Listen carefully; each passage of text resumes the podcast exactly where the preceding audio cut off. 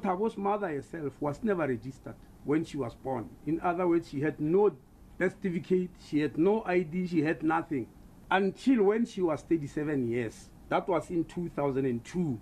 She then, in, in 2002, her mother, this lady who was working as a domestic worker who didn't register her, she passed on.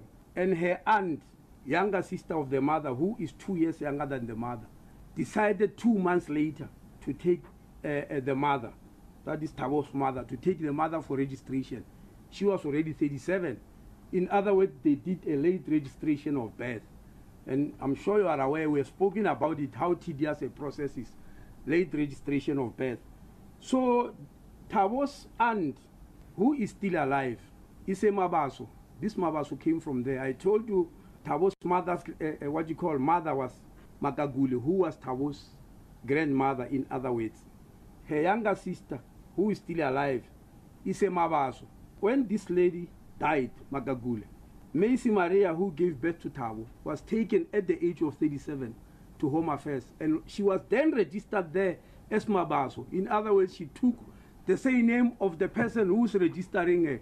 She forgot about being a Magagula or being a Bester and registered herself as Macy uh, Mabaso. But when you go to Baragwanath 37 years ago, she's Macy Bester. But she took over. In other words, she forgot about her mother and all that and took over her aunt's name because the aunt was the one who was registering her. So she then got registered. She then decided here and there that since I'm registered, let me register my kids also. And she registered them under the, the same, same name of the aunt, under Mabasu. All the three kids which registered, they suddenly became Mabaso, no longer besters. And that's why some of the things got lost. But she registered them, they got their birth certificate, they got their IDs. Now the question is, why didn't you register Tabo? She said, no. It was 2006, Tabo had, was 16, he had disappeared. That's the first time, that's when he, he had disappeared. And nobody knew where he is. And that's why the mother could not register him in anywhere But she was able to tell us the school. When we met her, she insisted that I was past standard one. Obviously, we were very curious how a standard person passing standard one can dupe doctors and all that, you know. Anyway, I also belong to that profession, so I was a bit jealous and shaking how a person who passed standard one. But the mother insisted that as far as I know, he never went beyond that. We did go to the school which Tabo attended. It is in the south of Johannesburg, Lair School, Danny Theron. Yes, indeed, it's true. Tabo registered there on the 14th of January 1997 without any ID, without any birth certificate. They just registered him with the date of birth, which is correct. 13 June 1986. It corresponds exactly with what is in the labor ward at Kisani Baragwanath Hospital.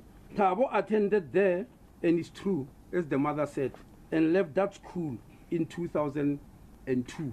Now, this year, 2002, is very significant. It's the, age, the year at which Tabo left the school, but it's also the age at which this grandmother died, allowing the end to uh, uh, register the grandmother. So it's true Tabo left that school in 2002. He was not in grade one, as the lady was said. He was in grade five. which in the past is called standard three. So you can forgive the mother for mixing things up. She's an ordinary woman. Tabo went up to grade five. There's no other indication that he went to any other grade since then because uh, he disappeared from the, uh, the school. But it looks like the, from the mother, he disappeared only in 2006, four years later. The mother then only met him again in 2011 when he was arrested. That's when her first contact with Tabo came since, uh, uh, since the, the disappearance. So as I said, Tabo never registered with any Home Affairs at any stage.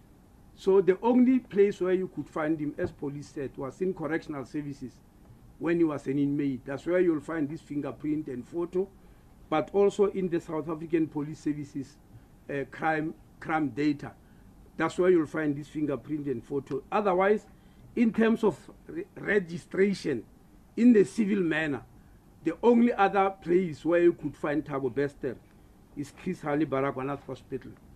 The, th the records that are now 37 years old. So as we have said, because Tabo never took an ID, never got married, never took a passport in Home Affairs, he simply did not exist in our systems. So he doesn't have a passport at all. There's a story that he has got multiple passports. Tabo doesn't have any passport with Home Affairs. The passport he was found carrying in Tanzania appears to be an American passport. I've got a copy of it here. In the name of Tom Williams Kelly. Whether real, defrauded or forged, we can't tell because we don't have American systems. But he never purported or showed any passport, which he said he got from us because we never gave him any. Now, that passport, in the name of Tom Williams Kelly, it never crossed any border at any official port of entry, whether air, sea, or land. There's no indication that that passport was ever used. So we don't know why he was carrying it, but he never used it at any one time. Well, that uh, was uh, what the minister was saying in response to Thabo Bester's identity. And then, of course, the minister also took some time to shed light on Bester's girlfriend and accomplice, Dr. Nandima, uh, Nandipa Makudumana, and the passports that she was carrying.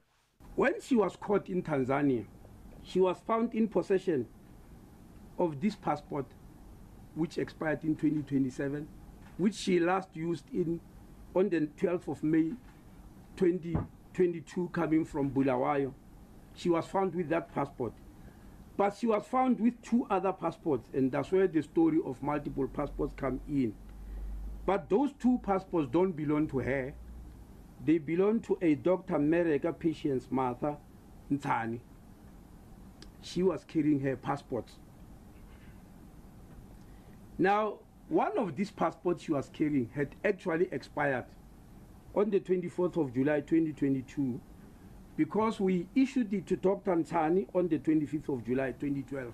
So midnight on 24th of July 2022, it expired, but she was carrying it. And uh, look, it beats us as to why she was carrying an expired passport. It has got no use. It can't be used around any border because, as I told you, passports are not only controlled by us because they They get used in many countries. They are controlled by International Civil Aviation Authority, and the standard is that they must be machine readable. That means if you put it in any machine through any country, it must be able to read it. So any machine in the country will have read Dr. Nandipa's, uh, eh, eh, I mean, Dr. Nchani's passport and realized that it ex expired. But she was carrying it. Whether she knew that or not, we don't know. The second passport which also belonged to Dr. Nchani, which was found in her possession, was issued on the 10th of July 2019 and is due to expire on the 9th of July 2029. So it still have got a very long lifespan, this passport. Now, the first passport which you gave to Dr. Nchani, which he said has expired in 2022, the last time it was ever used was on the 26th of December 2020. and it was never used again until its expiry in 2022. Now, that Dr. Ntani has a passport. She actually approached the department in 2019 to apply for a passport when this when 2022 had not yet arrived she applied for a passport and of course we gave it to her That passport which he gave it to her in 2019, she used it on a trip to Seychelles, departing on the 7th of July 2022 and returning on the 13th of July 2022. Up until now, it was never used. So there's a story that Dr. Nandiba, the one who is in jail, has assumed the identity of Dr. Ntani. I, I read it somewhere in the media. That's not true. She never, ever assumed that identity. She just carried the two passports of that identity. And she never used them anywhere.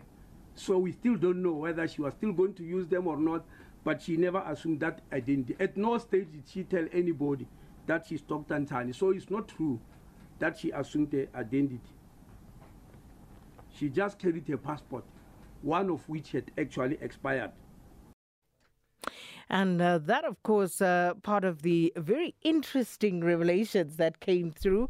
And uh, there was a lot said. And I think uh, maybe, if possible, uh, you can go to the YouTube, uh, uh, SABC News' YouTube channel and listen to that entire uh, briefing because it, it was fascinating, some of the comments there.